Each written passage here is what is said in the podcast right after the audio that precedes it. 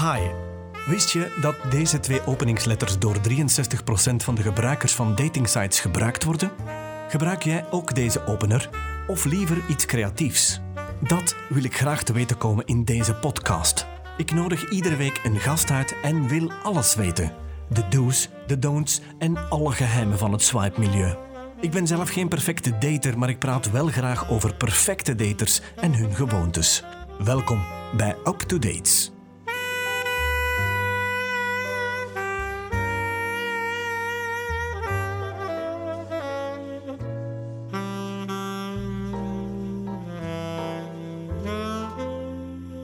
Bij ons in de studio vandaag zit Bo, een eh, bijzondere man, mag ik wel zeggen. Bo, heel kort door de bocht meteen. Wie ben jij? Ik zie mezelf als een mens. Je zegt man. Eh, zo zie ik er ook uit. Ik weet, ik draag een baardje, ik draag mannelijke kleren, maar ik vind het bijvoorbeeld niet erg om een keer een rokje aan te doen. En nu zou je zeggen van, ah ja, kijk, een rokje, waarom zou die dat doen? Wel, ik identificeer mij als genderfluid. En dat wil eigenlijk zeggen dat op sommige momenten ik mij eerder mannelijk, vrouwelijk, neutraal of de twee tegelijkertijd of iets anders kan voelen. Ik zeg ook niet dat dat voor, per definitie voor elke genderfluid persoon zo is. Maar voor mij is dat iets wat, dat, wat dat niet standvastig is en wat dat ook niet echt uit in het feit dat ik een andere naam wil gebruiken of zo. Ik ben gewoon Bo, dat is mijn geboortenaam, hebben mijn ouders gekozen. En ik vind dat wel oké, ziet je? Langs de andere kant, ja, eh, wie ben ik? Eh, los daarvan, ik zie mezelf als sterrenstof als een enthousiast persoon, iemand die veel ambities heeft en eh, ook wel heel graag geniet van het leven, zo, de, de kleine dingetjes. Zo, ja. Ik heb even getwijfeld welke vraag ga ik stellen. Ja. Ga ik oneerbiedig vragen, wat ben jij? Want ik wist wel een beetje van de situatie af. Maar ik dacht, nee, ik ga het proper houden. En meteen heb je die vraag ook beantwoord. Genderfluid, is dat in het Nederlands hetzelfde dan genderfluïde? Want ik ben een vijftiger. Mijn generatie gaat dit helemaal niet begrijpen. Wat is een genderfluïde persoon?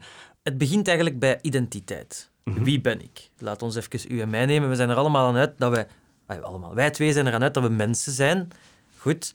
Koolstofchemie, nog breder gezien. Maar als je dat gaat specifieren, we hebben, we hebben, eh, we hebben het geslacht. Oké, je hebt de XY-chromosoom, dan heb je nog afwijkingen, XXY, XIY, wat- nog allemaal anderen. Ehm, maar identiteit is eigenlijk meer hoe dat je jezelf gaat definiëren en niet zozeer wat dat er in je DNA af te lezen is. En genderfluïde is identiteit, gelijk dat iemand zegt. Kijk, ik, ik kan man zijn, ik kan vrouw zijn, ik kan eh, bigender, agender, gender, ja, neutraal. Laten we voor die vijftigers die luisteren niet te veel termen poneren en even focussen op het, op het fluïde. Een fluïde persoon is iemand die dat dan niet echt ervaart, eh uw, uw, uw seksen in het Engels en in, Ja. het, eh, in wetenschappelijke taal, niet echt ervaart als iets rigide, maar eerder als iets wat dat kan veranderen doorheen de tijd. En dat kan veranderen op vijf minuten, op twintig seconden. Dat kan veranderen op een paar weken, dat dat min of meer hetzelfde blijft. Ik ervaar het eigenlijk echt zo. Ik kan opstaan en, en genderdysforie voelen. Wat wil dat zeggen? Dat wil eigenlijk zeggen dat je ehm, in de spiegel kijkt, of jezelf ervaart, laten we het zo zeggen, en op een of andere wijze iets aan je lichaam niet oké vindt ten opzichte van hoe dat jij je identificeert qua gender. Dus bijvoorbeeld bij transpersonen, eh, want ja, genderfluiditeit is eigenlijk onder de paraplu trans. Maar je hebt ook mensen die bijvoorbeeld transman zijn. Dat is iemand die eh, geboren is als vrouw, maar die eigenlijk, eh, vaak is dat op heel jonge leeftijd al, weet dat die eigenlijk een man is. In een vrouwenlichaam dan, maar dat is... Eh, sommige mensen gaan nu op de tenen getrapt zijn, maar het is voor die vijftigers dat ik het even zo formuleer. Ehm, die mensen ervaren door het zien van die eh, primaire en secundaire seksuele kenmerken, ervaren een soort ja, stress, een soort afkeer van het zelf. Dus op sommige momenten sta ik op en voel ik dat, en dan tien minuten later kan dat weer totaal omgeslaan zijn. En dat is iets waarmee dat je moet leren leven. Dus wat is genderfluiditeit? Dat is, dat is, sorry voor het vloeken, dat is verdomme een hele moeilijke situatie soms om mee te leven. Maar het wordt gemakkelijker naarmate dat je jezelf accepteert en dat, er, dat je mensen rondom je kiest die je ook accepteren. Ik probeerde dit een beetje te kaderen in de LGBTQ, waarbij dat iedereen eh, al eens een keer gehoord heeft van lesbische persoonlijkheid, of gay, of bisexual, of transgender. Want ik hoorde je net zeggen, het past in het transgender. Ik dacht eerlijk gezegd dat het bij de Q paste. Ja, wel, ik ben, ik ben eigenlijk geen eh, specialist, maar toch wat ik wil, wil meegeven is ehm, die LGBTQI plus is ehm, een verzamelterm voor mensen wiens seksualiteit, en dat is anders dan identiteit, wiens seksualiteit eh, gericht is op andere dingen dan het heteronormatieve, dan het, het, het standaard. Dus laat ons zeggen, de standaard rooms-katholieke opvatting, of noem het gelijk dat je wenst, is dat een, een man, in, of laat ons zeggen iemand met een XY-chromosoom, dat die aangetrokken is tot iemand met een XX-chromosoom. Ja. Het gaat hier over identiteit en seksuele voorkeur. En dat zijn eigenlijk twee verschillende zaken. Dat vind ik een heel belangrijk concept om dat eens even van naderbij te kijken. Want ik vermoed dat niet iedereen dit weet. Nee. Laat ons even het, het voorbeeld nemen dat iedereen kent. Eh, een gay persoon, dat kan een man of een vrouw zijn. Mhm. Bij vrouwen wordt dat dan soms lesbisch ook genoemd. Maar een gay persoon,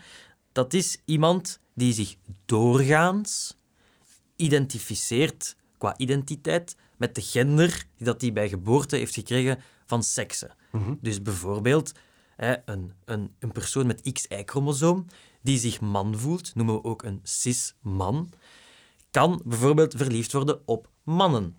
En dan spreken we over homofilie. Dat is eigenlijk het samenspel tussen identiteit en uh, seksuele voorkeur. Die twee gaan samen dan? Dat is gewoon een combinatie. Ja, ja. Dat is zoals dat je de pizzabodem kan kiezen en dat er daar dan een topping op ligt. Maar de, de vergelijking, het metafoor gaat niet echt 100% op, want in een pizza ben je heel vrij om het te kiezen. En je bent natuurlijk ook wel vrij om te kiezen hoe je je uit, maar vaak is dat iets wat je niet per se mhm. echt actief kan kiezen. Gender en uh, seksualiteit zijn dus twee verschillende dingen. Mhm. Dus als ik het gemakkelijk even mag samenvatten, een genderfluide persoon die uh, voelt zich geïdentificeerd met de twee. Hij, hij, hij voelt zich uh, geen van de twee, maar het staat los van uh, de seksen waartoe hij aangetrokken is. Dat heeft daar eigenlijk weinig mee te maken. Het kan samengaan, maar het staat er uh, los van. Een genderfluide persoon is daarom geen bisexual. Ja, er is wel een heel klein foutje in je redenering. Okay. Omdat je zegt, -hmm. in het begin begin je met genderfluide persoon is iemand die tussen de twee speelt. En, en dat is eigenlijk opnieuw iets, denk ik, een product dan van de westerse samenleving. Want uh, wij zien het als een, een, een, binair gegeven, genderidentiteit, dat je oftewel man of vrouw bent. Terwijl bijvoorbeeld in vele traditionele culturen, zoals bij de Hawaiianen, bestaat er al heel lang een derde gender dat geïdentificeerd wordt. En opnieuw, bij hun was dat een verzamel een, eh, opnieuw een, een, vuilbakbegrip om te zeggen van alles wat afwijkt van mensen die man geboren zijn of vrouw geboren zijn en die zich ook zo voelen. Mhm. Dus in Hawaii specifiek is dat derde gender eigenlijk wat verwijderd door de Amerikaanse cultuur, waar gender als een binair gegeven wordt afgebeeld. Wat dat je zei, wat dat je samenvatte, is volledig correct, maar de genderfluiditeit is dus uiteindelijk gewoon man voelen, vrouw voelen, uh, iets anders voelen. Mhm. Alien voor mijn part. Neutraal. Dat je zoiets hebt van: ik voel me niks van gender, ik ben gewoon. En dat dat ook doorheen de tijd verandert. Los daarvan kan jij je aangetrokken voelen tot de twee. Of door de persoonlijkheid, zoals jij zegt, komt dat dan in de buurt van de sapiosexual? Eigenlijk wel, maar ja, die sapiosexual dat gaat dan eerder focussen op, op brein Terwijl ik eerder ga kijken naar meer dan brein, ook persoonlijkheid en dergelijke. En oké, ik, ik ben nu niet super zwevig als persoon. Eh, ik geloof niet in dat er een geest is die uh, losmaakbaar is van het lichaam. Maar toch, als je het zegt op CPO, gaat je het eerder hebben op, op je brein. Terwijl dat je wel nog altijd een vibe hebt bij een persoon. En eerlijk gezegd, dit is een datingspodcast. Ik zie het veel te vaak tegenwoordig op de datingsite dat iemand zegt ik ben een sapiosexual, waarvan ik heel dikwijls denk, dit is flauwekul, ze weten niet waar ze het over hebben. Maar dat staat er volledig los van. Nu, jij klinkt als een heel overtuigd persoon in de zin van dat je heel duidelijk weet waarover je praat. Je hebt waarschijnlijk heel veel onderzoek gedaan, met heel veel vallen en opstaan. Maar hoe komt iemand daarachter? Hoe, hoe ben je hiertoe gekomen? Ik ben 26 jaar. Dus dat impliceert dat er wel al een tijd is geweest om daarover over te gaan. In de medische wereld stellen we dat een, een, een kind eigenlijk rond de leeftijd van 2, 3, 4, 5 jaar al heel goed weet wie die is qua hè, identiteit, op, zeker op vlak van gender. Mhm. Ik heb daar zelf eigenlijk wel moeite mee gehad. En dat is heel vroeg begonnen, met rond die hele jonge leeftijd in de kleuterklas. En mijn, mijn moeder is uh, qua opleiding schoonheidsspecialiste. Als zij nagels lakte, wou ik ook dat mijn nagels gelakt werden. Mhm. Ik vond dat leuk. Ik liet mijn, mijn, mijn handen en mijn tenen doen. Ik vond dat plezant. Uh, en dat ben ik blijven doen tot zo in de derde kleuterklas, als die alle andere kindjes heel goed weten van, kijk, wie ben ik qua identiteit? En oei, Bo ziet er wel uit als een jongetje, maar die lakt zijn nagels. En dat detail heeft ervoor gemaakt eigenlijk dat, dat ik daar wel opmerkingen van kreeg van, van uh, peers. En dat heeft ook gemaakt dat ik mij wat eh, uitgestoten voelde, een beetje gepest ook. Maar op mijn kleuterklasleeftijd is dat nog vrij onschuldig. Maar heb ik dat dan niet meer durven doen op mijn handen, maar enkel op mijn voeten, want daar zagen ze het niet. Uh, ja, later bleef dat nog altijd aanwezig. Ik, ik, was ook altijd, doordat ik genderfluide ben, ervaar ik dat ook anders dan een transpersoon. Die, die zien zichzelf echt, eh, vaak echt ook niet graag en is het heel moeilijk om ermee om te gaan. Maar bij mij heb ik vlagen van het is oké en andere vlagen van oei, misschien wil ik toch een vrouw zijn. Omdat ik dat zelf ook zag als iets binair. Het is het een of het ander. Het kan niet en zijn. Niemand heeft mij dat ooit geleerd. Niemand heeft mij ooit verteld. Ja. Dus uh, als u uh, als luisteraar een jong kind heeft, alsjeblieft, uh, houd het een beetje losjes hè, op dat vlak. dat, dat, kunnen we dat kunnen we veel leed besparen ik ben ook ooit gediagnosticeerd met uh, eh, ADHD. Mhm. En persoonlijk denk ik dat dat een, een soort uiting was van alle gevoelens en dergelijke dat niet konden geuit worden. Maar dat is speculatie. Ik ben geen psychiater, dus ik kan daar ook geen oordeel over vellen. In elk geval, uh, ik had problemen met mezelf en, en problemen soms ook met zijn. Gewoon ook omdat ik dat zag als, als iets binair en ik paste niet in dat, in dat binaire kader. Uh, eens de puberteit kwam, ja, dan is dat wel echt hard beginnen, beginnen aanslaan. Ook onder invloed van testosteron en dergelijke. En ah, ik vond het niet leuk. Ik vond het niet leuk. Allee, wel, als kind vraagt je Barbie-poppen en je krijgt Action Man. Oké, ja, dat is een pop. Je kunt daar ook mee spelen. Tof. Ja, auto's hebben mij trouwens ook altijd geïnteresseerd. Dus het is zo een en-verhaal voor mij. Maar als je dan toch in die puberteit komt, dan denk je toch van... Ah, tja, ik, ik wil niet in dat, in dat allez, met, met de termen post uh, in reflectie te zeggen, ik wil mij niet passen in dat heteronormatieve. Ik wil niet een, een, een, gewoon een, man zijn, want zo voel ik mij niet. Mhm. Dus dan, dan wou ik altijd... Ik wou altijd als kind een vrouw zijn. Ik heb dat echt elke nacht zitten wensen. Ik heb daar zo zitten wenen. Ik ben daar echt triestig voor geweest. Zo rond de leeftijd van 9, 10, 9 à 10 jaar heb ik daar echt veel last van gehad. En ik heb ooit een tekening gemaakt in het derde uh, leerjaar. En daar, maakte, daar, daar tekende ik eigenlijk een persoon met, uh, cru gezegd, een penis en borsten. Mhm. Die tekening is afgepakt geweest door de leerkracht, nog voor ik die kon afmaken. Dat was ook in de context van teken maar iets, wat je, wat je denkt, wat je voelt, doe maar. Dat was ook absoluut niet iets wat ik wou delen met de anderen of zo. Ik was dat voor mij aan het maken, die tekening. En ik heb al laten weten dat ik uh, ADHD uh, heb. Uh, ik ging dus ook regelmatig bij een psychiater die mij medicatie voorschreef destijds, relatine. Verschrikkelijk middel, geef het niet aan uw kinderen. Dat maakte eigenlijk dat die, die, dus die, die week nadien daar bij de psychiater, dat in één keer die tekening werd bovengehaald. Wow. En ik weet nog dat dat met mijn ouders was en mijn vader was daar eigenlijk heel kwaad voor ook. Van, hè, dit, dit is een, een kind van tien jaar dat je nu gaat confronteren met zoiets. Ik bedoel, je moet je inbeelden, tien jaar, ik wist nog niet van porno. Ik wist zelfs niet dat dat bestond om, om, om, om een geslachtsoperatie te doen. Dus het is niet Mhm. dat, het, dat het ergens vandaar kwam. Dus dan, dan zit je daar en, en de logische verklaring zou zijn voor iemand die zo lang gestudeerd heeft, iemand, een psychiater nota bene, zou je denken van, we gaan die persoon bijstaan, we gaan daarover spreken. Nee. Oei, oei, oei, oei. Bo stelt gedrag dat absoluut niet kan. We gaan toch de dosis van relatine verhogen en we voegen daar nog Risperdal aan toe. Wauw. Eh, een antidepressiva. Aha. Dus eigenlijk, in plaats van de gevoelens een forum te geven, werden ze onderdrukt. Ja, en de juiste informatie was absoluut niet voorradig, neem ik aan. Voor mij niet, eh, voor mijn ouders niet, maar ik vermoed voor die psychiater wel alleszins. Hoe oud was ik toen? Ehm, tien jaar, dat is 16 jaar geleden. Ik vermoed dat 16 jaar geleden er toch al iets geschreven of gezegd of gedaan moet geweest zijn rond gender, maar dat het gewoon nog niet mainstream informatie was. Ja. Natuurlijk, ja, wat hadden mijn ouders moeten doen? Hadden die een second opinion moeten vragen? Ik weet het niet. Ja, waren zij toen al op de hoogte? Had jij dat al aangegeven? Van ik voel mij af en toe een beetje anders of ik voel mij eh, veranderen af en toe? Eh, ik, ik wist dat zelf nog niet dat dat zoiets was. Ik, ja. ik, ik had zelf last met het, het, het, het man worden dan, die puberteit. ja. En als ik, als ik eh, eh, bij mijn oma vond ik zo kleren in de kleerkast, een badpak of, of een rokje. En als ik dat aandeed, werden die dingen gewoon verwijderd. En, en dat, dat, dat was dan niet meer te vinden. En ah, de Bo die verkleedt zich graag. geen probleem. Dat was ook, dat, dat was ook heel speels ook toen. Hè. Op die leeftijd doet dat ook niet om te choqueren of zo. Mijn ouders die waren ten einde raad. Er komt ook bij, moet ook, ik heb echt ook last gehad met mijn gedrag. Hè. Ja, Door ja, al die ja, zaken die opgekropt waarschijnlijk zaten, had ik ook last om op een stoel te blijven stilzitten, om, om mee te volgen in de les. Terwijl uiteindelijk, ja, ik zou... Ze hebben nooit IQ-testen en dergelijke afgenomen. Die zijn oké. En, en daar ligt het ook niet aan. Het ligt echt ook gewoon van, geef een forum aan die mensen. Dat is echt wat, wat ik uit dit verhaal zou, zou meenemen. Eh, dan ook op, op, u zegt dan, hè, hoe, hoe ben je daartoe gekomen? Fast forward, ik heb eh, heel veel eh, nagedacht, eh, dingen opgezocht, gelezen, naar YouTube gekeken, want er zijn heel veel video's te vinden van mensen die hun eigen leven delen. En ja, dat maakt toch dat, ik- dat ik gevonden heb dat, er, dat het kan om niet in dat binaire te passen. Ik, kan het, ik wou net de vraag stellen. Jouw ouders hebben het eigenlijk zacht aangepakt, of beter gezegd, ze wisten niet wat ze er moeten mee doen.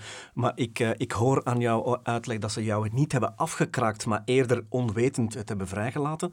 Maar voor jou was het absoluut geen koers zonder hindernissen, neem ik aan. Nee, ik denk zelfs dat je, dat je soms als, als jongvolwassene, als kind zeker, het niet nodig hebt dat je ouders het, het laten passeren. Dat het, hè, dat het gewoon stilzwijgend zo we gaan er geen forum aan geven. Maar ik denk dat je eerder juist als kind nodig hebt aan dat je ouders zeggen van ja, goed, leuk dat je met jezelf bezig bent. Tof, ja. wil jij een rookje dragen? We zullen er een gaan kopen. Liefst in de tweedehandswinkel wel. Ja. maar we zullen er een gaan kopen. We gaan daarvoor, we gaan daarvoor zorgen. Ja.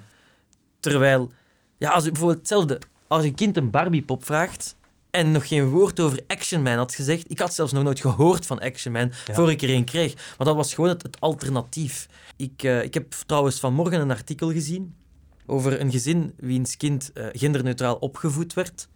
En in de eh, comment section op Facebook, dus voor de boomers in de plek waar je je ongezouten mening kan uiten, waren er extreem veel ongezouten meningen Ja. die eigenlijk die familie afbraken. Mhm. Zelfs schoolkleuterjuffen die, die zei... Ja, ik zie dat in mijn klas dat dat gebeurt, maar we mogen dat niet doen, want dan gaan die kinderen niet weten wie ze zijn. Mhm. Ik weet het niet. Ik weet alleen dat er onderzoek naar moet gebeuren en dat er sensibilisering moet voorkomen. Onze overheid laat ons daar denk ik deels ook in, in de steek. Ja, en dan gaan er veel identiteitscrisissen voorkomen worden, neem ik aan. Had jij er zo? Ja, ja, veel, veel, veel, veel. Eh, echt met het zijn heeft dat toch wel eh, ja, altijd geleid tot, tot zo'n situatie waar ik mij niet goed voelde in wie dat ik was. Ik ben ook eh, door twee depressies gegaan. Dat was altijd door externe factoren. Mhm. Maar ja, je hebt altijd een trigger nodig voor zoiets. Hè. Je hebt een trigger nodig en dan kom je in, in een stroomversnelling en in één keer besef je dat er allemaal dingen gaande zijn in je leven wat dat je misschien toch niet bent waar je wilt zijn. En hoe ver gaat dat dan, zo'n eh, identiteitscrisis? Ja, ehm cru gezegd, ik heb geprobeerd om een eind aan mijn leven te maken. Wauw, Als kind ook. heftig. Ja, inderdaad. En opnieuw, ik was toen nog steeds in behandeling bij dezelfde psychiater. En het enige wat dat die dacht was, was van, ja, kijk, eh, je hebt destijds Risperdal genomen. En misschien zitten we nu toch ook weer in een gevoelige situatie. We gaan gewoon meer relatine en terug Risperdal geven. Ja, ja. Wat opnieuw eigenlijk de emoties, de gevoelens, de, de crisis niet aanpakt, maar vooruitschuift. Ja, ja. En, en toch zit hier voor mij een vrolijke en zelfverzekerd persoon, dus ik neem aan dat dat ondertussen achter de rug is. Ik denk als eh, genderfluïde persoon is het iets wat constant in beweging is, maar het accepteren van het feit dat het in beweging is, Ja. is rond. En dat is mooi. Oké. Merk jij dat als je vandaag een datingsite opgaat, want je hebt ervaring in, de, in daten, ehm, wat ervaar jij dan? Is dat voor jou ondertussen een plezierige bezigheid of is het toch nog altijd een opdracht? Ja, dat is niet gemakkelijk. Hè? Ik bedoel, een, eh een datingsite en, en, en eh, zeker ook de, de, de mobiele versies daarvan, dat is echt dat is een vleeskeuring. Mhm. En ja, qua vlees op eerste zicht zouden mensen zeggen van ja, soms draag ik een baardje, niet super lang haar. Ja, dat is, dat is een man. En, en eh, dan moet je dat ook zeggen. En sommige mensen hebben direct zoiets van oh, not my cup of tea. Yes. Dat is niet voor mij. Ehm, en anderen zijn daar dan weer opener over. Ik heb ook mensen gevonden die zich ook zo identificeerden. En dat was leuk om gewoon eens met iemand te spreken dat ook zo, zich, eh, zich er, dat ook zo identiteit zo ervaart. Maar eh, ja, bedoel, eh, ik zie er dus mannelijk uit. Ik heb me ooit eens in een periode dat ik mij heel eh, vrouwelijk voelde. En ook eh, eerder zo'n voorkeur had voor, eh, voor vrouwen. Dus ja, en dat is opnieuw dat panseksuele dat we het over gehad hebben. In, in, in relatie met dat genderfluide. Dat heeft, denk ik, die periode heeft denk ik drie weken geduurd. Heb ik mij op een datingsite als eh, zijnde vrouw opgegeven Mhm. into vrouwen. Dus per definitie kom je dan bij wat vele lesbiennes zouden noemen. Hè? Ja, ja. En om, het, om het cru te zeggen, de, de, de potjes waren er niet mee gediend. maar ik snap dat ook wel. Ik heb mijn foto's ook niet specifiek aangepast. Het enige wat ik had was een, een oorbel en, en wat mascara aan. En dat stond ook gewoon op mijn normaal profiel. En, en ik vond dat toch wel interessant om, om rekening mee te houden. Mhm. Allee, je moet daar open over zijn. Ja, inderdaad. Maar concreet, wat zoek jij op een datingsite? Is dat voor jou duidelijk wat je wil? Ja, personen, mensen, die ambitieus zijn, die open-minded zijn, Ja. vriendelijk.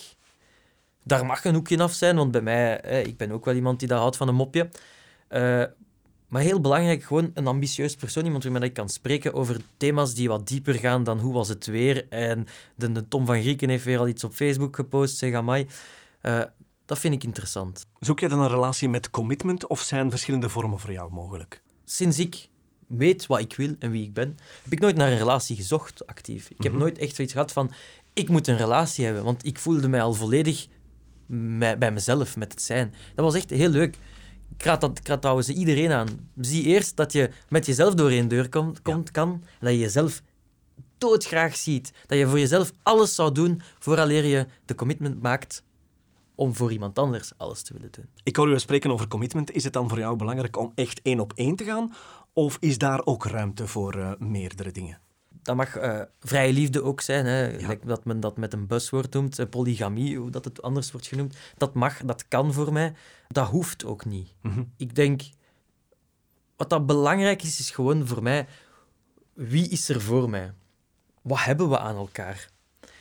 Heden ten dagen heb ik iemand ontmoet die, eh, het is een vrouw, die is wel open-minded, maar op vlak van seksualiteit is die hetero. Ja. Op vlak van eh, identiteit voelt zij zich 100% vrouw.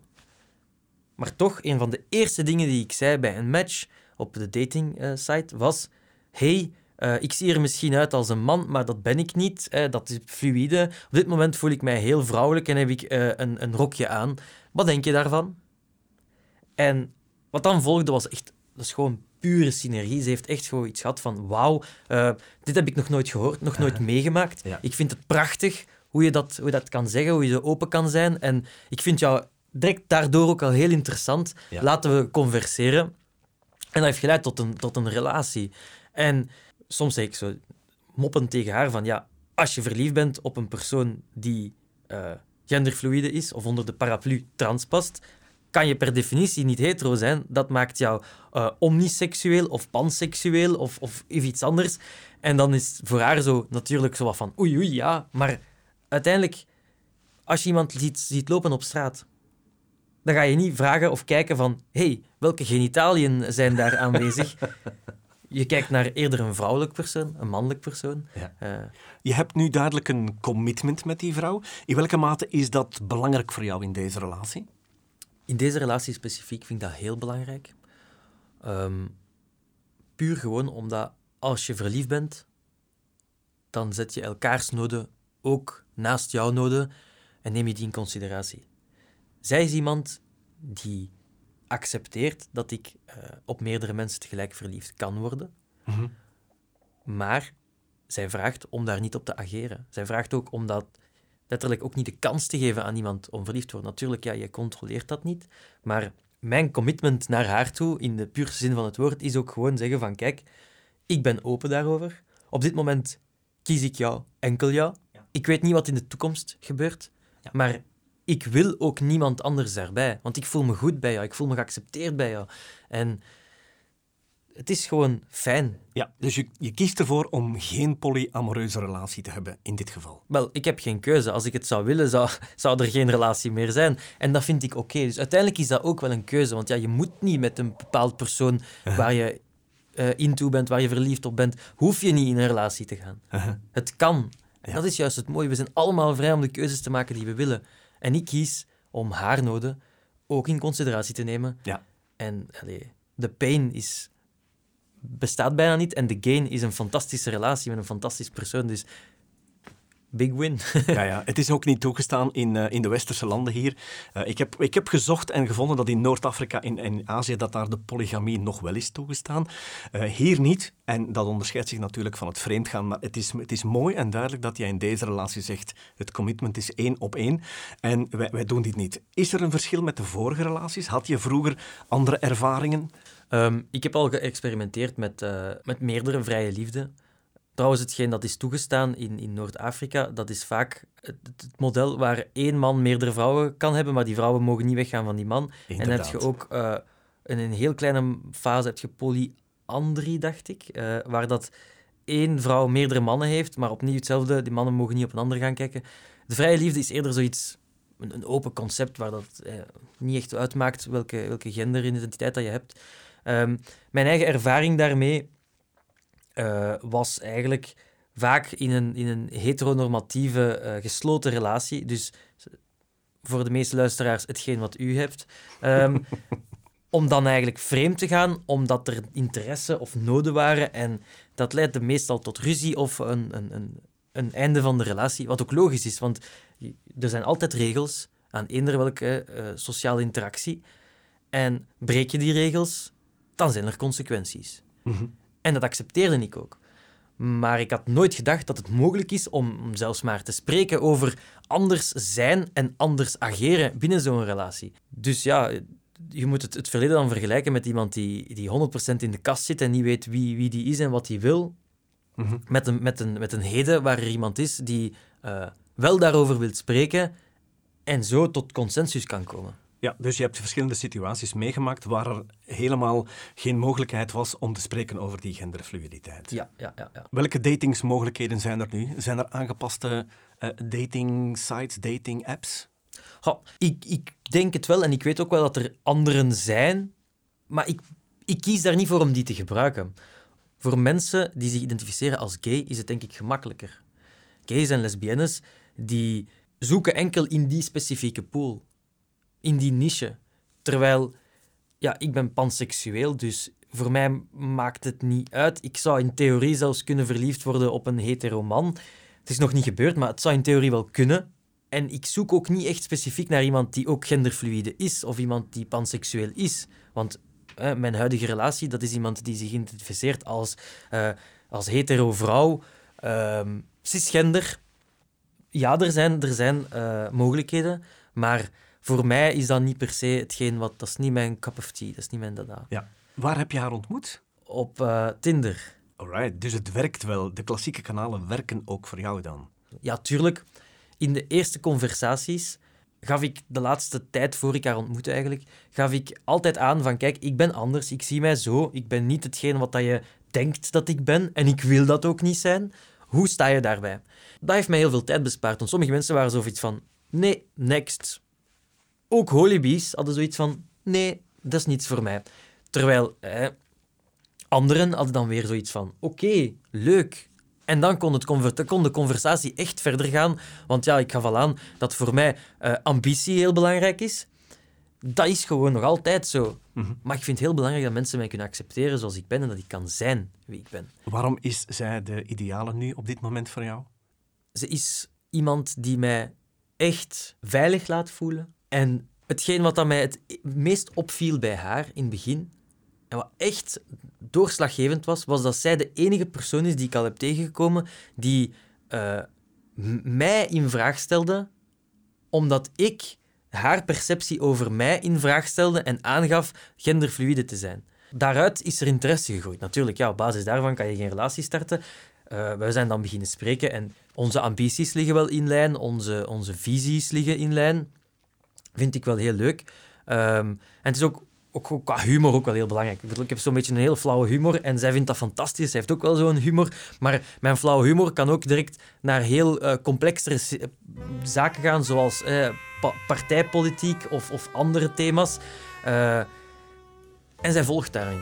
En dat vind ik wel heel belangrijk. Bo, tot slot, stel dat er iemand luistert die nog vecht tegen dit soort van identiteit. Kan je nog een gouden tip meegeven? Ehm, weet goed waar jij jezelf bevindt en weet goed waar de personen met wie je problemen hebt zich bevinden. Die zitten verschillende lagen van u. Waarom, waarom maken die problemen? Waarom stellen die jou in vraag? Misschien is het omdat die zelf niet zeker zijn over wie ze zijn. Misschien is het uit misinformatie, uit angst, uit wat dan ook. Hou je gewoon bezig met jezelf. En ik denk dat dat voor de mensen die problemen hebben met anderen ook belangrijk is. Je hoeft niet te denken dat iemand die bijvoorbeeld een, cis-man die homo is, als je dan als, als hetero-man, hoef je daar geen angst van te hebben, want wie zegt dat die, wie zegt dat die met jou iets gaat misdoen? Als iedereen gewoon duidelijk communiceert over wat dat de noden zijn, en dat past in elk datingverhaal. Wat wil je? Wie ben je? Waar zie je jezelf binnen 5 à 10 jaar? Het is bijna een sollicitatiegesprek. Maar als je er open over bent, kan er toch geen twijfel zijn. Bo, ik vond dit een heerlijk gesprek. Dankjewel. Het gaat je goed. Ingelijks, dankjewel. Leuk dat je dit doet, Luc. Dit was Up to Date. Wil je reageren, een suggestie maken of jouw verhaal kwijt in deze podcast? Vind ons dan op uptodates.be. Vergeet je niet aan te melden voor onze nieuwsbrief. Zo blijf je altijd up-to-date in de boeiende datingswereld. Tot binnenkort.